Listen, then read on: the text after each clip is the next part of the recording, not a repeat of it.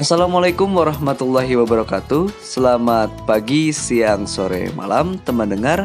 Kembali lagi denganku Ilham Hadi dalam segmen Kalam Kisah dalam Islam. Sebelum kita mulai ke kisahnya Aku pengen nanya bagaimana puasanya di hari-hari kemarin. Aman? Belum batal kan? Ini kalau cowok-cowok sampai batal nih keterlaluan sih. Baru juga mulai udah batal lagi. Kecuali kalau untuk kaum-kaum perempuan Nah pasti Kayaknya kalau batal gak apa-apa kali ya. Karena setiap bulan gak mungkin bisa puasa full ya kan? Iya dong Tapi kalau buat cowok-cowok Awas aja kalau sampai batal di awal-awal kayak gini. Oke?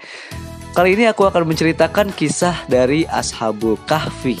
Kisah ini sendiri ada dalam Al-Quran Tepatnya dalam surat Al-Kahfi. Nah for your information nih FYI Jadi kisah Ashabul Kahfi ini sebenarnya ada dua versi Pertama adalah versi yang ada dalam Al-Quran yaitu versi yang aku ketahui selaku umat Islam. Kedua adalah versi dari umat Kristen. Nah kenapa bisa begitu? Karena kisah Ashabul Kahfi ini terjadi jauh sebelum zaman Nabi Muhammad SAW dan orang-orang yang bertakwa pada Allah Subhanahu wa taala menjalankan keimanannya dengan ajaran Nabi Isa alaihi salam. Tapi jujur aku nggak tahu perbedaan kisah Ashabul Kahfi versi Islam dan Kristen itu ada di mananya Karena aku hanya membaca yang versi Islamnya Jadi yang versi Kristennya aku nggak tahu uh, rangkuman kisah yang akan kubacakan nanti berasal dari berbagai sumber di internet ya. Jadi teman dengar yang ingin membaca kisahnya langsung di internet bisa langsung search aja di browser masing-masing. Tapi kalau teman dengar tidak ada kesempatan untuk membacanya secara langsung, silakan duduk dengan tenang, rebahan atau cari posisi yang nyaman bagi teman dengar dan dengarkan saja.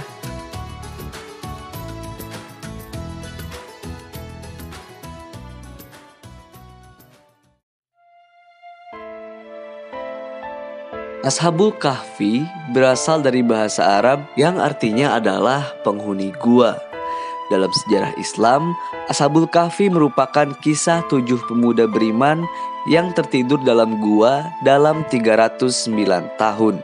Peristiwa ini terjadi sebelum zaman Nabi Muhammad Wasallam dan dijelaskan dalam Al-Quran surat Al-Kahfi. Dalam buku kisah-kisah dalam surat Al-Kahfi tahun 2019 karya Angga Mulyana, Ashabul Kahfi terjadi pada sebuah negeri bernama Afasus yang dipimpin oleh seorang raja bernama Raja Desianus yang memerintah pada 249 hingga 251 Masehi. Dalam memerintah, Raja Desianus sangat kejam dan menyiksa orang yang bertakwa pada Allah Subhanahu wa taala. Sang raja ini penyembah berhala. Dia selalu memerintahkan dan memaksa seluruh rakyatnya untuk ikut menyembah berhala. Jika ada yang menentangnya, Raja Desianus tidak segan-segan untuk membunuhnya. Oleh karena itu, sebagian besar rakyat di negeri tersebut penyembah berhala. Pada suatu hari, Raja Desianus mendengar kabar bahwa ada beberapa orang pemuda golongan bangsawan yang menolak menyembah berhala. Dan mengetahui hal itu, Raja Desianus memerintahkan pengawalnya untuk segera membawa pemuda-pemuda tersebut ke hadapannya. Sesampainya di istana, pemuda-pemuda tersebut ditanya, "Mengapa mereka tidak mau menyembah berhala?" Mereka menjawab, "Hanya mau beribadah kepada Allah Subhanahu wa Ta'ala." Sang raja kemudian menawarkan berbagai kenikmatan harta dan jabatan agar mereka mau meninggalkan keimanannya. Namun, mereka tetap teguh pada pendiriannya dan menolak semua tawaran raja. Raja pun murka dan memberikan kesempatan bagi pemuda itu untuk memikirkan tawarannya. Pemuda-pemuda tersebut memiliki keteguhan iman yang luar biasa dan tetap menolaknya. Mereka pun kemudian pergi dan meninggalkan kota. Mereka selanjutnya bersembunyi di sebuah gua di Gunung Tihayus yang tidak jauh dari tempat tinggalnya. Saat perjalanan menuju gua, mereka bertemu dengan seorang pengembala bersama anjingnya.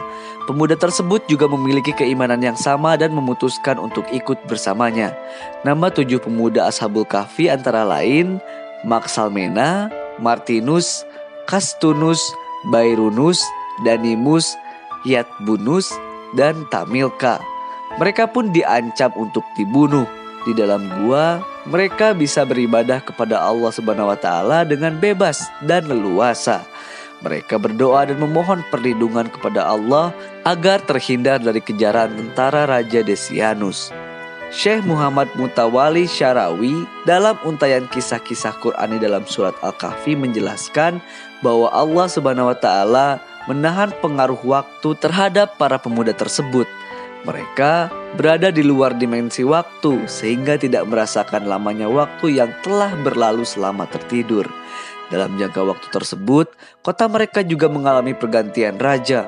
Allah Subhanahu wa taala akhirnya membangunkan para penghuni gua ketika kota telah aman. Seperti yang dijelaskan dalam surat Al-Kahfi ayat 19 yang artinya dan demikianlah kami bangunkan mereka agar mereka saling bertanya di antara mereka sendiri. Berkatalah salah seorang di antara mereka, "Sudah berapa lamakah kamu berada di sini?" Mereka menjawab, "Kita berada di sini sehari atau setengah hari." Berkata yang lainnya lagi, Tuhan kamu lebih mengetahui berapa lamanya kamu berada di sini. Maka suruhlah salah seorang di antara kamu untuk pergi ke kota dengan membawa uang perakmu ini. Dan hendaklah dia lihat manakah makanan yang lebih baik. Maka hendaklah ia membawa makanan itu untukmu dan hendaklah ia berlaku lemah lembut dan jangan sekali-kali menceritakan halmu kepada seorang pun. Itu isi dari surat Al-Kahfi ayat 19. Tamilka akhirnya pergi keluar gua dan sangat terkejut karena mendapati keadaan kota yang sudah banyak berubah.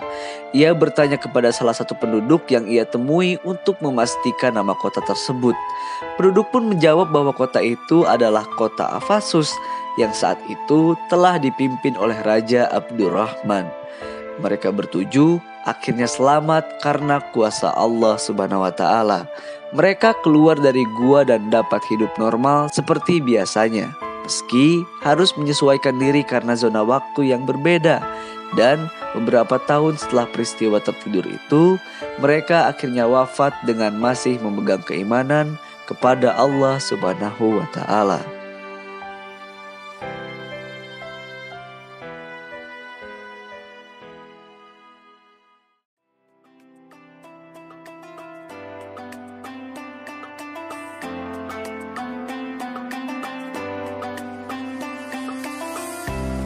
Itulah tadi kisah dari Ashabul Kahfi yang menceritakan tentang tujuh orang pemuda yang tertidur selama 309 tahun. Aduh itu gila.